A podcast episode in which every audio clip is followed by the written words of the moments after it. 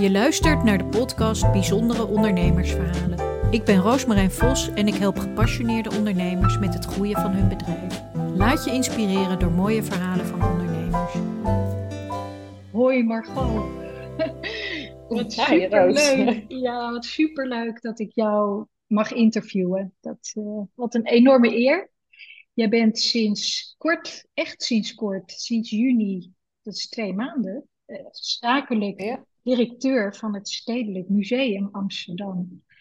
En uh, ja, gefeliciteerd. Dankjewel. Prachtig, prachtig uh, ja, hoe zeg je dat? Uh, prestatie. En um, we kennen elkaar via een gemeenschappelijke goede vriendin van ons allebei, Annemarije Boermans. En um, ja, ik hoor heel graag van jou hoe je hier bent gekomen en ook jouw functies hiervoor. Uh, je hebt bij het Stedelijk Museum ben je begonnen in januari als interim uh, directeur. En uh, nou ja, ik heb een heel mooi stukje gevonden, dat wil ik heel graag even voorlezen, wat er over jou geschreven is op de site van het Stedelijk Museum. Dat is geschreven door Annelies van der Pauw, voorzitter Raad van Toezicht. En die schrijft, na een breed uitgezette zoektocht kwam Margot René, Gerené als de meest geschikte kandidaat naar voren. Margot is een ervaren bestuurder, energiek, verbindend en doortastend. Ze is zich ten volle van bewust van de ambities van het museum om de financiële positie te verstevigen. Een beleid te voeren dat zowel artistiek vernieuwend en succesvol blijft en in maatschappelijk opzicht een betere afspiegeling te zijn van de samenleving. Samen met Rijn Wolfs hebben we met Margot nu een heel sterk directieteam in ons museum. We kijken zeer uit naar de samenwerking in de toekomst. Nou, dat is uh, mooi gezegd. En je hebt daarna ja, ook nog... een fijne uh, intro. ja, dat is echt... Uh, ja. Nou, ja, en verdiend. En um, ja, zou je ons kunnen meenemen een stukje terug naar hoe jij na je studie aan de HKU begonnen bent? Natuurlijk niet helemaal in detail, maar wat voor, voor jou belangrijke momenten zijn geweest. En ook met het oprichten ja. van je eigen bedrijf.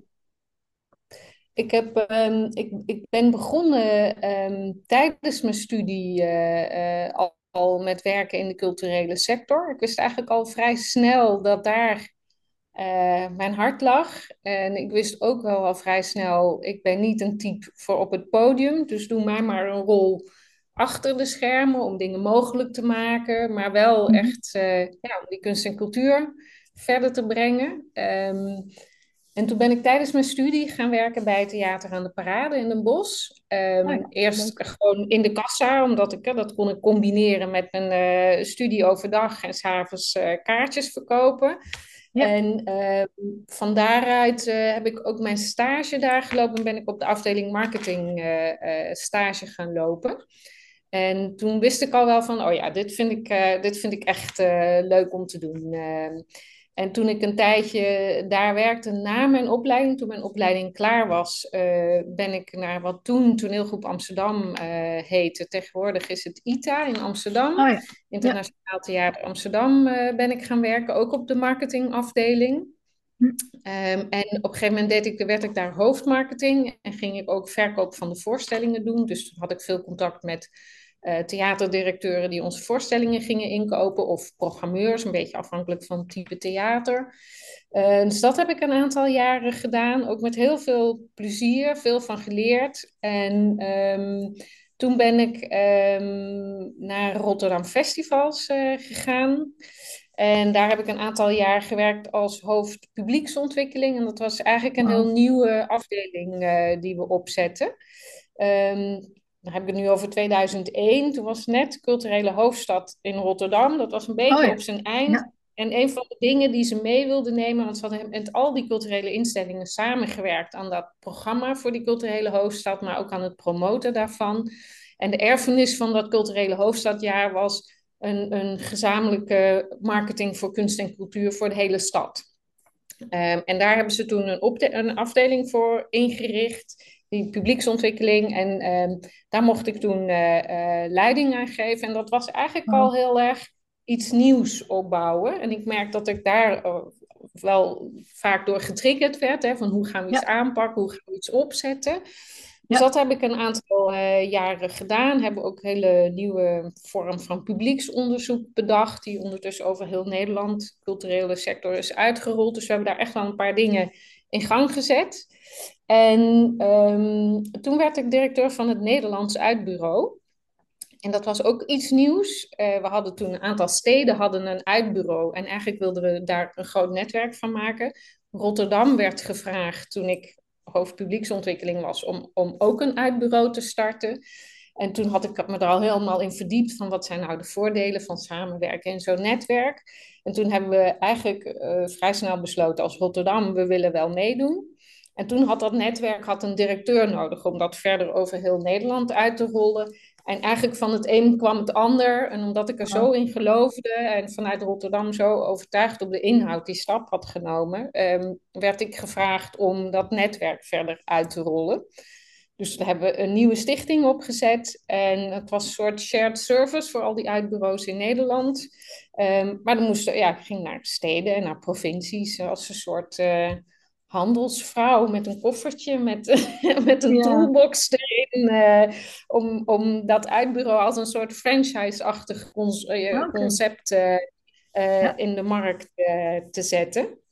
Dus we begonnen met drie steden en in de hoogtijdagen hadden we 15 uitbureaus over heel Nederland uitgeroepen. Echt van Maastricht tot, tot Groningen.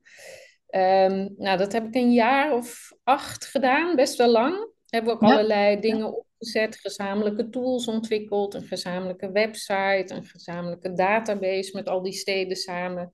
En um, toen kwamen er enorme bezuinigingen in de cultuursector. En toen werden eigenlijk al, kwamen al die uitbureaus enorm onder druk te staan. Want um, er ging heel veel geld uh, uh, weg uit de sector.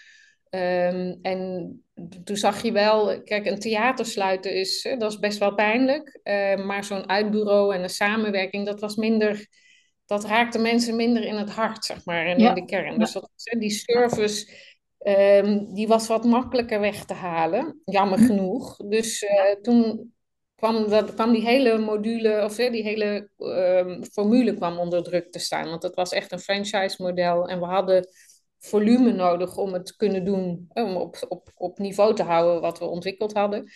En dat raakte op een gegeven moment kwijt. Dus ik heb het helemaal opgebouwd, maar ik heb het ook helemaal moeten afronden weer. Eh, en eigenlijk in een soort overdracht aan de vrije tijdsorganisatie. Ik heb het wel in een veilige haven gebracht, maar wel in een hele afgeslankte vorm eigenlijk. Wel heftig. Um, dat was best pittig. Ja, ook omdat we er zo met al die steden zo met hart en ziel aan gewerkt hadden om dat uh, op te bouwen. Ja, ja. En toen ben ik heel even ben ik de culturele sector uitgegaan. Toen ben ik directeur geweest van de stichting Dance for Life, een goed doel. Um, Wat zich inzette tegen, of, eh, voor HIV en AIDS bestrijding en voorlichting vond ik heel interessant. Heb ik twee jaar gedaan ongeveer. Maar toen, toen kwam ik er wel achter van... Ik, ik ben echt iemand van de kunst- en cultuursector. Dat is, hm. dat is waar mijn hart toch echt het snelst van gaat slaan. Um, dus na die twee jaar um, dacht ik... Nee, volgens mij moet ik echt terug naar de cultuursector. Maar um, ga, ik, ga ik terug als ZZP'er en als ondernemer... en ga ik gewoon de kennis die ik in al die jaren heb opgedaan um, op een andere manier uh, inzet. En um, ja, zo is eigenlijk mijn, mijn ondernemerschap begonnen. Hoewel ik moet zeggen dat die uitbureauperiode en zo'n franchise-formule voor de sector best wel nieuw was. Ja. Dat dat, dat, dat heel erg dicht tegen dat ondernemerschap aanschurkte. Ja. ja. ja. Want het, het, was wel een stichting, maar het kon alleen maar bestaan als ik genoeg, genoeg volume had en genoeg mede-ondernemers uh, uit bureaus om het overeind te houden. Ja. Ja. Ja. ja, dus toen ben je, heb je je eigen adviesbureau opgericht. Is dat daarna gebeurd? Dus, uh, wat je net zei. Ja, dat is uh, na die twee jaar Dance for Life. Toen kwam ik uh, een collega tegen, adviseur ook, die, met wie ik in mijn Nederlands uitbureautijd samen had gewerkt. Hij deed toen een opdracht. We hebben toen een heel groot project wat hij had uitgedacht. Heeft hij bij het Nederlands uitbureau ondergebracht. En toen zijn we samen op zoek gegaan naar financiering voor dat project. En dat was in die enorme bezuinigingstijd. En gek genoeg was dit een project wat uit economische gelden werd gefinancierd en niet uit cultuurgelden. Dus wij waren heel succesvol in het vinden van funding voor een, voor een project, maar niet voor mijn bedrijf toen. Dat stond heel erg onder druk. Maar dat project, omdat dat uit andere geldstromen kwam, ging eigenlijk supergoed. Ja. toen hadden wij al met z'n tweeën al samengewerkt en eigenlijk gemerkt van, oh, wij zijn wel een goede tandem. Uh, ja. En hij had ook een uh, adviesbureau. En um, toen kwamen we elkaar echt toevallig ergens tegen. En uh, toen zei ik, nou, ik heb net mijn baan opgezegd. Ik denk dat ik voor mezelf ga beginnen. Ik ga een beetje rondkijken en nadenken hoe ik dat ga doen.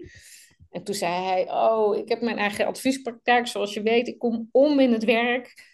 Um, kom even met mij meedoen en dan kan je een beetje zien hoe het werkt. En dan gaan we vandaar wel verder kijken. En eigenlijk is zo um, uh, het bureau wat hij net had opgezet. Hij wilde het ook niet meer onder zijn eigen naam Had hij Bluejaard van gemaakt. En ik was eigenlijk de eerste die bij Bluejaard mee instapte. Mooie naam ook als je het eh, uitspreekt.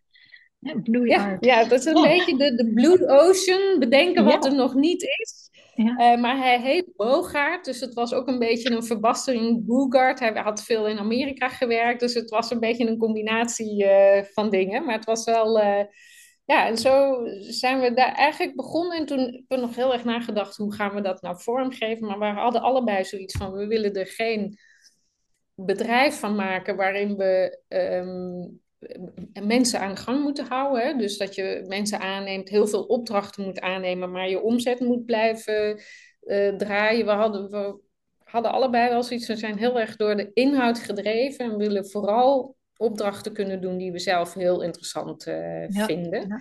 En dat kon ook. Dat kon. We hadden echt de luxe dat, we veel, dat er veel werk was en is eigenlijk nog steeds. En dat we veel gevraagd werden. We hadden allebei natuurlijk best een uh, opgeteld een groot netwerk ook. Ja. En, um, en toen kwamen er steeds meer, hadden we eigenlijk steeds meer mensen nodig die met ons mee gingen werken. En toen hebben we besloten om van Blue Yard geen BV te maken of een vereniging, maar een coöperatie. Waarin iedereen als zelfstandig ondernemer bleef werken, maar we eh, gezamenlijk zeg maar, onder die paraplu en die naam van Blue Yard uh, gingen werken. En ondertussen, nou dat is nu zo'n negen jaar geleden, bijna tien jaar geleden. Ondertussen zitten er tien mensen in de coöperatie oh, bij Blue Yard. Ja. En is Blue Yard echt wel een hele serieuze speler in, het, zeg maar, in de consultancy en advies uh, in de culturele sector. Dus dat is ja. Uh, ja. eigenlijk echt heel goed gegaan. Ja. Ja. Ja. Wauw. Ja, dus je hebt, uh, enorm, je hebt eigenlijk vrij snel al begon je als ondernemer binnen een organisatie, binnen een stichting. Dus die, uh, ja. ja. die vrijheid die je daar ook moest krijgen hè, om ja, je eigen plan daar te trekken. En ja, ja dat, dat is wel een beetje een rode draad, hè, hoor ik. Gewoon dat, dat je wel ja directeursfuncties zijn natuurlijk ook iets creëren, iets neerzetten, iets verbeteren. Iets, uh, ja. En um, wat sprak jou daarvan aan? Wat, wat, uh... Ik denk nieuwe wegen ontdekken, dingen die er nog niet zijn, ontwikkelen. Ja. Dat vind ik altijd uh, leuk. Ik vind samenwerken heel fijn. Dus ik heb heel vaak in netwerken, zo'n uitbureau ook, of, of bij Rotterdam Festivals, die uh, gezamenlijke cultuurmarketing, dat kon alleen maar als we dat met z'n allen samen deden. Dus met elkaar dingen bedenken, mensen bij elkaar brengen die ergens in geloven en die dat, en dat met elkaar gaan doen. Ja. Ik denk dat dat is wat ik het, wat ik het leukst vind. Dus ik hou ook wel van. Uh, ja, op een bepaalde manier complexe omgevingen met veel spelers en stakeholders. En toch kijken hoe je met elkaar de neuzen dezelfde kant op krijgt. En, en ook echt iets gaat doen uh, samen. Ik denk dat dat wel een beetje tekenend is voor wat ik leuk vind uh, in werk en type banen wat ik heb uh, gedaan. Maar ook wel het type advieswerk wat ik heb gedaan. Ik heb, ben vaak betrokken geweest bij projecten waar veel verschillende stakeholders waren die allemaal mee moesten. Ik was ook vaak degene die ook nadacht over het proces van hoe gaan we dat doen en hoe gaan we iedereen meekrijgen. Ja. Ontzettende waardevolle en bijzondere eigenschap, wat veel ondernemers ook juist moeilijk vinden. Hè? Die visie hebben, heel duidelijk ergens naartoe. En zo wil Ja, ik het. En dan krijg je ook mensen mee. En dan ja, je, de, de goede mensen ook om je heen verzamelen en, en dan gaan. En dat is ja, vaak, hebben mensen, tenminste is mijn ervaring, als ondernemer heb je een passie en je gaat beginnen. Maar die echt, die stip op die horizon, die is zo super belangrijk. En dat hoor ik bij jou, dat je echt een visionair bent en eh, ja, dingen voor je ziet en daar ook op stuurt. Herken je dat? ja. Ja, dat vind ik wel leuk. Ik vind het ook echt leuk om, eh, om strategie te maken. Dat vind ik ook Ja, leuk bij het moment waarop ik nu bij het Stedelijk ben ingestapt. Hè. We staan op de vooravond van een nieuw kunstenplan. Dus dat is een nieuwe beleidsperiode waarin je voor vier jaar weer plannen gaat ma na maken en nadenken. Hè. Waar willen we over vier jaar zijn? Eigenlijk over vijf jaar, want die periode loopt 25 tot 28. Maar we moeten nu die plannen gaan schrijven. Dat, dat vind ik heel erg leuk. Van, ja, eh, met, met elkaar en met de organisatie bespreken van wat, eh, wat wordt die stip op de horizon over, over vijf jaar? Waar gaan we naartoe? Wat hebben we daarvoor nodig? Hoe gaan we dat inrichten? ja, Ehm, om dat bij elkaar te brengen, goed op te schrijven, een goed plan voor te maken en, en dan hopelijk ook financiering voor te vinden om dat te kunnen doen zoals je dat eh, voor je ziet. ja, Ja, super ja, daar Ja. van. Ja, Ja, en toen ging je interimmen bij het Stedelijk Museum ja. vanuit Blue. Vanuit Bloejaard werd ik gebeld. Ja, Heel af en toe deed ik ook uh, interimwerk, dus adviesopdrachten, soms interimwerk. En bij die interimopdrachten had ik vaak voor mezelf wel uh, als criterium: ik doe het als er een strategische component in zit. Dus als, ik, als er gewoon op de tent gelet moet worden, dan heb je aan mij niet de beste interimmer. Maar als je een moeilijk vraagstuk hebt, wat in de, eh, wat in de tussentijd opgelost moet worden of waaraan gewerkt moet worden dan mag je mij bellen. Dan, uh, dan uh, ga ik bijt je uh, erin vast. Ja, Ja, precies, precies. En um, nou, is het bij het stedelijk is sowieso nooit saai. Weet je, daar zijn altijd best wel wat grote opgaven gaande. Dus, dus uh, ik werd gebeld en um, ik stond op een lijstje omdat ik uh, interim directeur, zakelijk directeur van het Frans Hals Museum ook ben geweest. Een aantal jaar geleden en tijdens de coronaperiode, dus ook periodes waarin het museum dicht moest, waarin het financieel ook best wel ingewikkeld was. Um, dus ik had daar best al een opgave gehad, zeg maar. ja, En, um, en toen uh, vroegen ze van, goh, onze zakelijk directeur gaat weg. En wij willen even de tijd om rustig na te denken, wat voor nieuwe zakelijk directeur willen we nou? En ook gewoon het werven van mensen kost gewoon tijd. Dus zou jij in die tussenliggende tijd voor ons uh, uh, die interimfunctie willen waarnemen? Er waren nog een aantal kandidaten, dus hebben toen een aantal gesprekjes gevoerd. Maar dat was geen hele uitgebreide procedure uiteraard. Um, en toen werd ik gebeld en toen dacht ik wel even, goh, interessant, maar um, uh, ja, ga ik dat doen? Maar toen hoorde ik inderdaad de vraagstukken die er lagen en het werk wat er allemaal lag. En toen dacht ik, nou, dat vind ik wel, uh, vind ik wel leuk. Het is ook wel echt een bijzonder museum. Ik volg het, ik volg het al wel een tijd. Ik ben ook lid geweest van de Kunstraad in Amsterdam. En dat is het uh, adviesorgaan voor de gemeente wat um, advies geeft over de subsidieaanvragen. Um, van de culturele instellingen. En daar zat ik in de uh, commissie musea. Dus ik moest ook, ik heb acht jaar lang zeg maar, het stedelijk eigenlijk gevolgd als adviseur. Uh, en ook hun plannen gelezen. En, uh, dus het, het, heeft altijd al wel een bijzonder plekje gehad, dat Stedelijk Museum. Dus toen dacht ik, nou, het is ook wel heel interessant om het van binnenuit eens mee te maken. Ik ben altijd heel beschouwend van de buitenkant geweest. Dus uh, toen uh, zei ik, oké, okay, uh, toen zij mij ook zagen zitten uiteraard, toen zei ik, nou, dat lijkt me leuk om, om als interimmer te gaan doen. Dus toen ben ik in januari van dit jaar, 2023, als interimmer begonnen. Ja. ja. En in hoeverre kon je dus eventjes nu nog vanuit interim um, je ervaring als ondernemer meenemen in je huidige functie, in die functie? Ja, best eigenlijk nog veel meer dan ik gedacht had. Um, eh, ik had veel aan, sowieso aan mijn interim werk bij het Frans Hals Museum. Want ja, musea zijn toch best wel vergelijkbaar. Het, het Stedelijk Museum is een paar schalen groter dan het Frans Hals Museum, maar de, de systematiek van werken, de opgaven die er liggen, zijn heel erg uh, vergelijkbaar.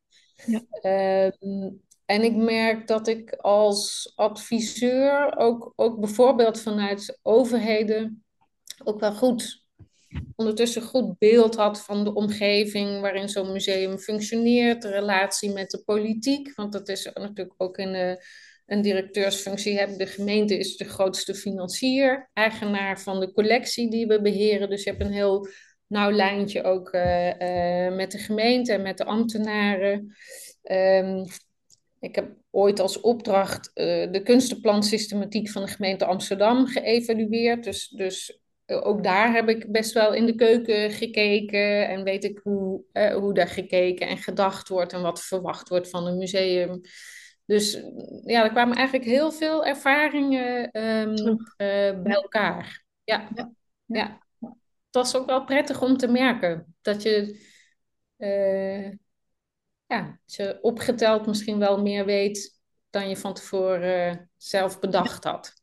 Ja, mooi. Ja. Het is ja, eigenlijk een logische volgende stap. Ja, ja. ja als je, Al had ik ja. die nooit bedacht zelf. Dat is wel Nee. het gekke. Want ik was zo Ja. in dat ondernemerschap en, en dat ik eigenlijk helemaal niet had bedacht dat zou ik nou willen gaan doen of zo. Nee. Ik heb dat wel, als ik dan gevraagd word voor zo'n interimfunctie, denk ik, ja, interessant, dat wil ik wel. Maar toen nog steeds dacht ik niet, ik word de nieuwe zakelijk directeur van het Stedelijk Museum. eh. Nee. Nee, Nee. want dat ging heel goed. Je hebt het een half jaar gedaan en toen eh, hadden ze zoiets. eh, nou, Margot, die kan het wel eh, officieel gaan worden. De Ja, toen vroeg, eigenlijk vroegen ze al redelijk aan het begin, zou je mee willen solliciteren? Want er was gewoon een, ja. een, een, een sollicitatieronde. Ehm, maar toen eh, was ik eigenlijk vrij resoluut. In januari eh, vroegen ze al hè, van, goh, ben je, heb jij wellicht belangstelling om straks ook mee in die procedure te gaan? Toen zei ik, nee, ik ben de interimmer. dus eh, ik eh, kom hier en als we iemand hebben, precies, dan ga ik weer. Ja. Maar ik merkte wel in de maanden dat ik hier was, ehm, dat ik het ontzettend leuk vond. En een hele interessante organisatie, ontzettend leuke mensen om mee te werken, heel goed team. Ehm, interessante opgaven ook die er liggen. Weet je, zo'n nieuw kunstenplan. Ehm, het stedelijk eh, manifesteert zich ook in het maatschappelijk debat over diversiteit en inclusie bijvoorbeeld. Heel nadrukkelijk. Er kwam net ehm, een documentaire uit waarin je een kijkje achter de schermen krijgt van het stedelijk. eh, hoe zij omgaan met eh, diversiteit en inclusie. White Walls on Walls. Dus ik kwam eigenlijk net toen die documentaire te zien was. Overigens al twee jaar, over een periode van twee jaar gemaakt. Tussen de tijd dat ik er nog helemaal niet in het museum was. Ehm, maar die hele discussie die het teweeg bracht, dat discours eh, waar ik in belandde, waarvan ik dacht, ja, een museum is toch ook wel echt een hele relevante plek. En eh, voor debat en, en om thema's aan te kaarten. En kan ook echt verschil maken ehm, daarin. Dus, dus ook, ook dat besef dat ik dacht, goh, het is ook wel een museum met lef en moed. Hou ik ook wel van. Een beetje, een beetje, als je nou hebt over ondernemerschap, zijn dat eigenlijk echt van die ondernemerskwaliteiten. Zeker. ehm, Ja. die je misschien niet meteen bij een museum eh, zou bedenken. Nee. Dus het was een, een combinatie van dingen waarvan ik dacht, goh, wat een bijzondere plek eigenlijk. En, en, en wat val ik hier fijn op mijn plek. Ja. Ja, mooi. Supermooi. Ja. om- Ja. Ja, we hadden eventjes ook een beetje door de vragen heen gelopen en je gaf aan van ja, wat, wat je een leuke vraag vond was, ehm, hoe zou je, wat zou je zeggen tegen je 18-jarige zelf? Ja, ja. Ja, Ik vond het een hele leuke vraag, omdat ik er echt over na moest denken. Eh, ik moest echt even terug naar hoe, wie was ik toen ik 18 was. En ik, het was, ik, 18, 19, het was een periode dat ik ging studeren. En het was wel een periode die ik, die ik zelf best ingewikkeld uh, vond. Want ik had een soort enorm ehm, ja, beeld bij. Ik ga studeren, dat wordt super interessant. En, en ik vond de werkelijkheid echt tegenvallen. dus toen, uh, toen moest ik heel erg gaan zoeken. Ja, ik heb echt twee of drie keer um, tijdens mijn uh, van studiekeuze gewisseld. Of van studie gewisseld. Um, en ik heb een jaar geschiedenis gestudeerd. En dat vond ik echt, in, in Gent overigens in België, dat vond ik echt, dat, daar was ik echt heel teleurgesteld over. Ik dacht dat kom in een soort tempel van wijsheid terecht. Maar het was vooral een tempel van stampen en, en een soort heel hiërarchisch en ook wel archaïsch toen nog georganiseerd. Dus er was helemaal geen gesprek bijvoorbeeld. Dat was heel erg zenden en, en heel veel studenten die dat allemaal maar moesten absorberen en reproduceren. Dus daar was ik, toen was ik even de weg kwijt. En achteraf gezien denk ik, dat heeft me heel veel gebracht. Dat even helemaal teruggeworpen worden op jezelf. Ehm, ehm, nog een keer verkeerd kiezen, dat je het kwijt bent en denkt ik moet iets en dan eigenlijk te snel kiezen. En toen heb ik een jaar ben ik gaan werken. Okay. Ehm, in een theater. En, en toen ik daar werkte als stagiair zonder studie, was een vriendin van, uh, van mijn schoonmoeder die zei: ah, Kom bij mij eens kijken hoe het gaat in theater. Misschien vind je dat wel iets. En toen was ik daar een week en toen dacht ik, nou, dit vind ik superleuk. Toen ja. zei ze, nou ja, uh, je mag stage lopen, dan help je mij gewoon en dan kijk je wel. Uh... En toen was ik daar bezig en toen na een tijd dacht ik, ja, maar ik wil wel, wel gaan studeren, maar ik weet nu wel ongeveer waar ik uit wil komen. En toen pas kon ik heel gericht uh, kiezen. En toen was ik ook pas um, ja, zelf zover dat ik echt wist wat ik wilde en, en een beetje wie ik was.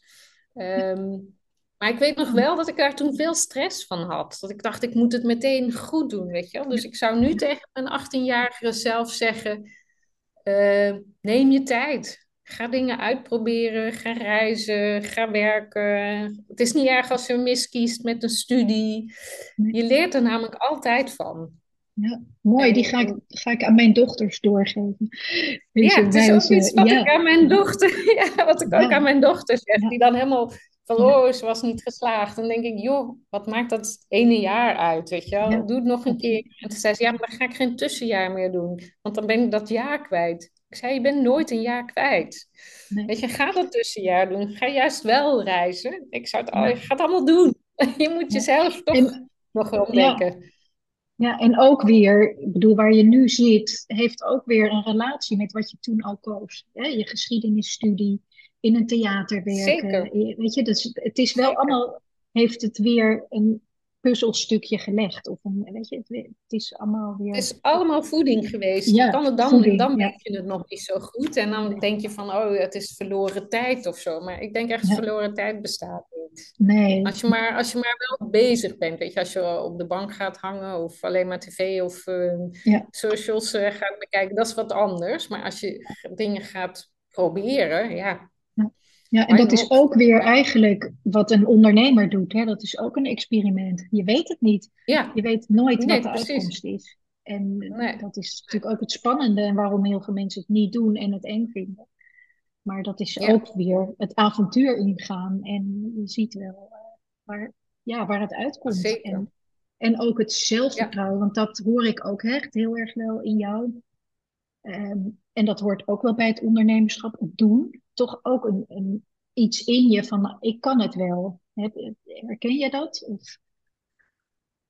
Ja, ik, ik, ik zat over na te denken van um, ook nog over die 18-jarige of, of wat ik, wat ik aan, aan jonge mensen of uh, meegeef is ik heb wel vaak dingen aangenomen waarvan ik dacht, oeh, het is misschien nog net te moeilijk voor me. Of ga ik dit, ga ik dit wel kunnen? Weet je, dat net dat beetje gezonde spanning, ga ik het wel kunnen, heeft mij altijd heel scherp gehouden en gezorgd dat ik me kon ontwikkelen. Dus ik ben eigenlijk zelden, en misschien, ik heb ook heel veel mazzel gehad, denk ik, dat je, uh, dat je dingen kan gaan doen die, waarvan je denkt, misschien net boven mijn macht, maar oké, okay, we gaan er gewoon voor en we bluffen ons er doorheen.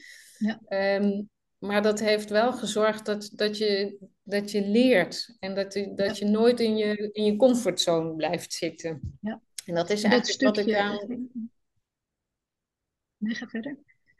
Ja, dat is wa- wat ik aan jonge mensen ook meegeef. Van maak het Ja. jezelf ook niet, niet, te, niet te makkelijk, ook niet te moeilijk, maar hè, zorg dat je wel altijd net die uitdaging Ja. eh, voelt. Ja.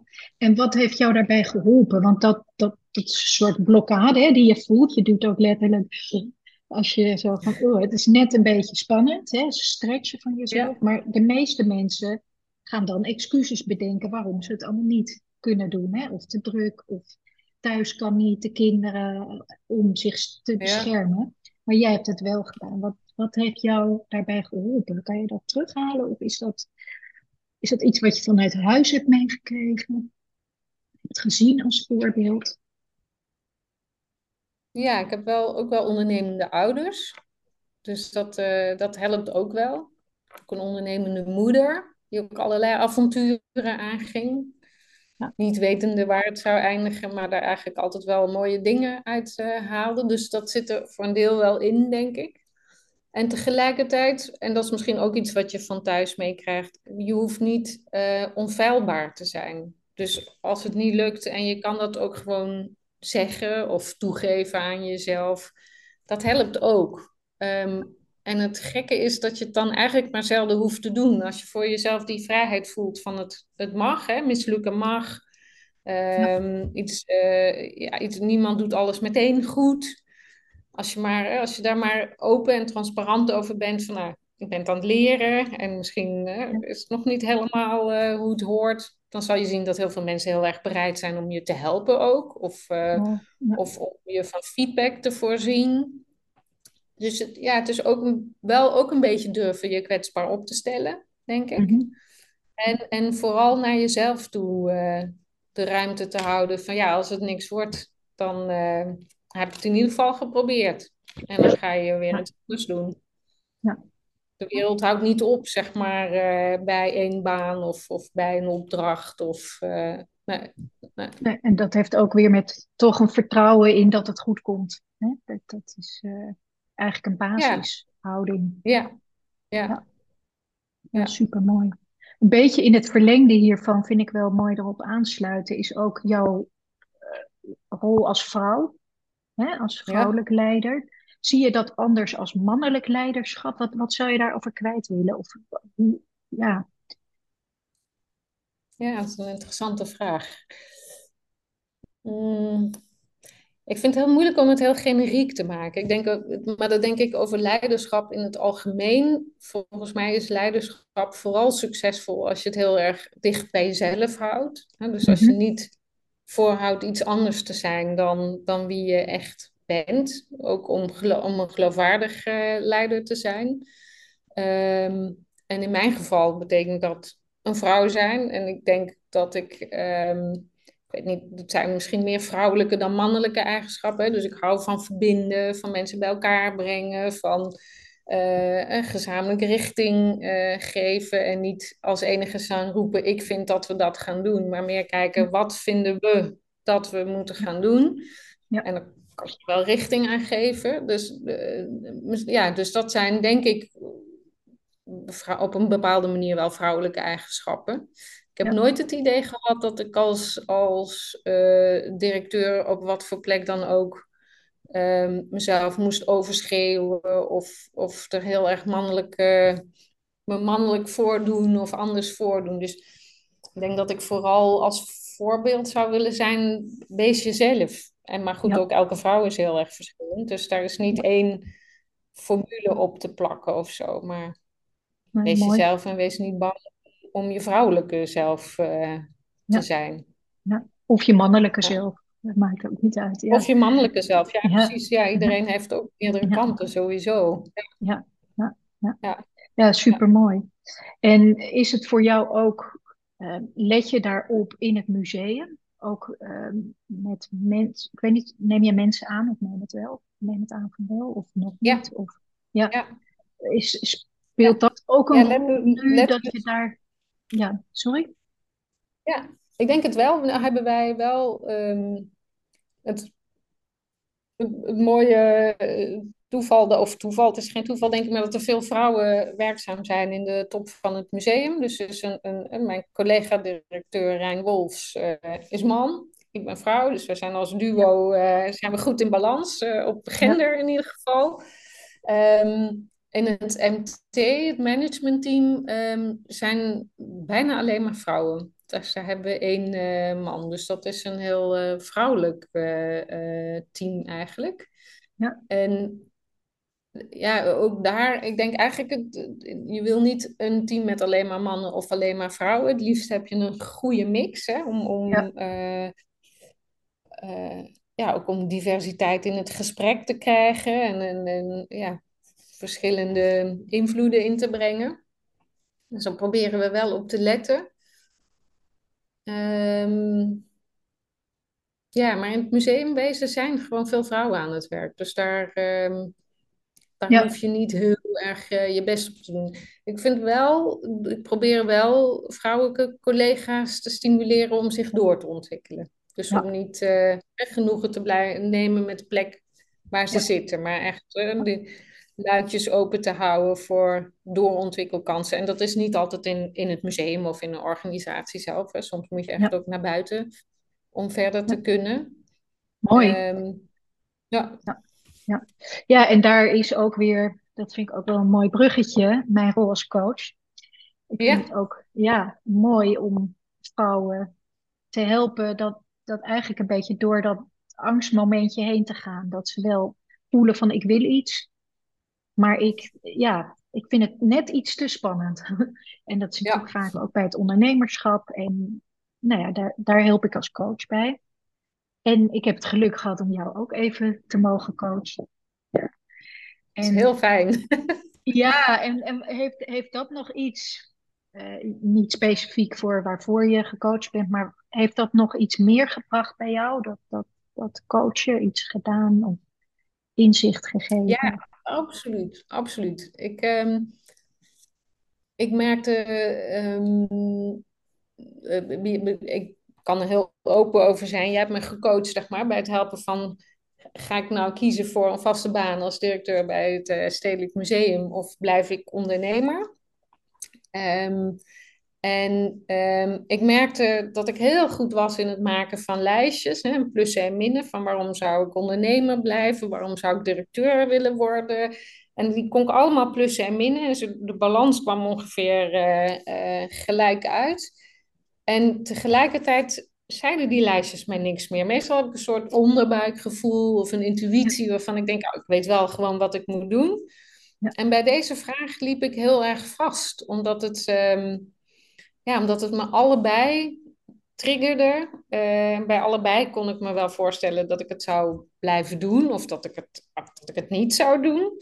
En um, ik vond het heel lastig om bij, echt bij mijn gevoel te komen om deze vraag uh, te beantwoorden. En met mijn verstand kwam ik niet veel verder dan een soort 1-1 uh, gelijk. Uh, dus, en dat is iets waar jij me enorm bij ge geholpen hebt. Door hele andere vragen aan mij te stellen dan die ik mezelf ooit zou stellen. Dus dat uh, door andere luikjes te openen in het denken. En je hebt me ook nog, dat is me ook echt bijgebleven, je hebt me ook gespiegeld wat mijn lichaamstaal me zei. Nou, dat is iets waar ik mezelf weinig bewust van ben. Soms denk ik ook te weinig bewust van ben. Dat is een, dat is een leerpunt voor mezelf, om mezelf daarin beter te kunnen lezen. Ja. ik denk, oeh, ik, volgens mij ben ik heel goed te lezen voor anderen. Dus daar moet ik ook op letten. Maar jij kon dat heel mooi duiden. Dus je zei, oh, ik zie als ik je die vraag stel, dan sta je heel stevig. En als ik je die vraag stel, dan ga je wiebelen. Dus ja. dat waren allemaal dingen waarvan ik dacht, oh, mijn, eh, mijn onderbewuste vertelt dus veel meer dan wat ik eigenlijk weet. Of wat ik nog, waar ik nog goed bij kon komen. En dat, dat heb je heel mooi blootgelegd. Eigenlijk, ja, we moesten een soort snelkook pan. Hè, want ik ja. had heel korte tijd om te beslissen: ga ik nou wel of niet mee solliciteren?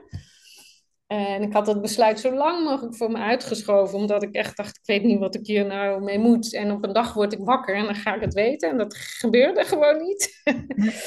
en toen, uh, ja, toen heb je me eigenlijk heel snel weer bij die kern uh, gebracht. Dus dat vond, ja. ik, vond ik heel knap en heel prettig. Dat, dat, dat was mezelf niet gelukt.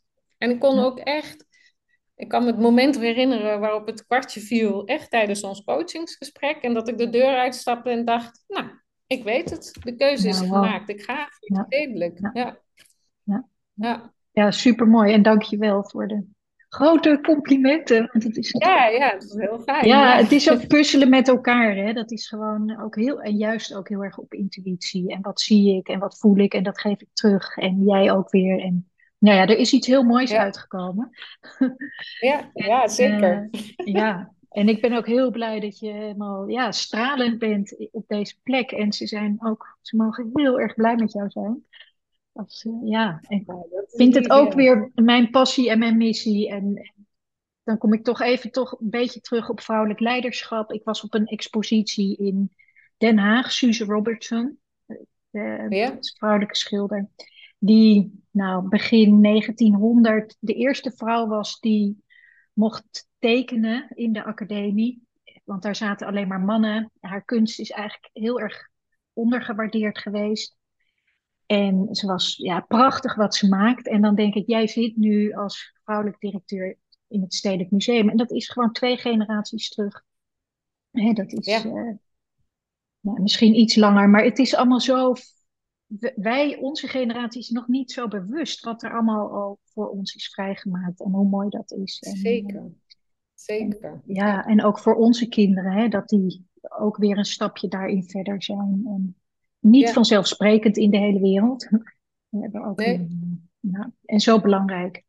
Dus dat is uh, ja, super mooi. Absoluut. En ik hoop wel dat op dit soort plekken dat het ook een voorbeeld is. Eh, niet dat ik als persoon een voorbeeld wil zijn, maar wel als, als uh, dat vrouwen vanzelfsprekend ook op, uh, op een positie als deze zitten. Ja. Zeker, nou, daar ben je zeker een voorbeeld in. Um, jeetje, we, ja, we zitten al best wel een tijdje te praten. Ik kan nog uren doorpraten. Ik had heel veel vragen ook aan jou gestuurd. En ik geloof dat we er twee, van hebben besproken. Um, ja. ja. misschien toch nog een beetje van, um, ja, hoe zie jij succes voor jezelf? Mm. Voor, ja. Um, ja, dat vind ik misschien nog wel de moeilijkste vraag uh, die je gesteld hebt. Ik zie succes hier bij het stedelijk als als we met elkaar mooie plannen hebben gemaakt voor de komende vijf jaar, als we een organisatie hebben waarin we vrijheid kunnen spreken en vrijheid plannen kunnen maken en elkaar um, um, waarderen voor wie we zijn mhm. en respecteren. Als we echt een veilige omgeving kunnen maken. Uh, om, om hele mooie dingen te bedenken die vervolgens door het publiek uh, heel erg gewaardeerd worden. En, en als we zeg maar open in dialoog zijn met elkaar, maar vooral ook hè, met de samenleving om ons heen. Dus dat we niet in een soort ivoren toren zitten, maar dat we ja. als mensen in de maatschappij en als instelling in een maatschappij staan waar we op reflecteren, mee in dialoog zijn, die we bevragen, die we um, en, en, en dan is mijn rol hè, niet inhoudelijk hoe we dat doen, maar hoe zorgen we nou dat al die randvoorwaarden zo zijn dat mensen uh, binnen het instituut kunnen excelleren, waardoor we echt van toegevoegde waarde zijn voor Amsterdam, maar ook, ook nationaal en internationaal, waardoor we echt ja, iets betekenen in de samenleving. Ja, supermooi. Ja. En voor jezelf? Dan zijn we succesvol. Ja. ja. ja. ja. En voor jezelf? Voor mezelf? Als ik zie dat dat lukt. Ja. Als ik, als ik voel dat ik daar als persoon verschil in kan maken. Ja. Ja. ja. Supermooi. Jeetje, um, nou ja, mooie dingen die je allemaal zegt. En heel uh, inspirerend. Ik, ik ben niet aan toegekomen om echt over de kunst te hebben.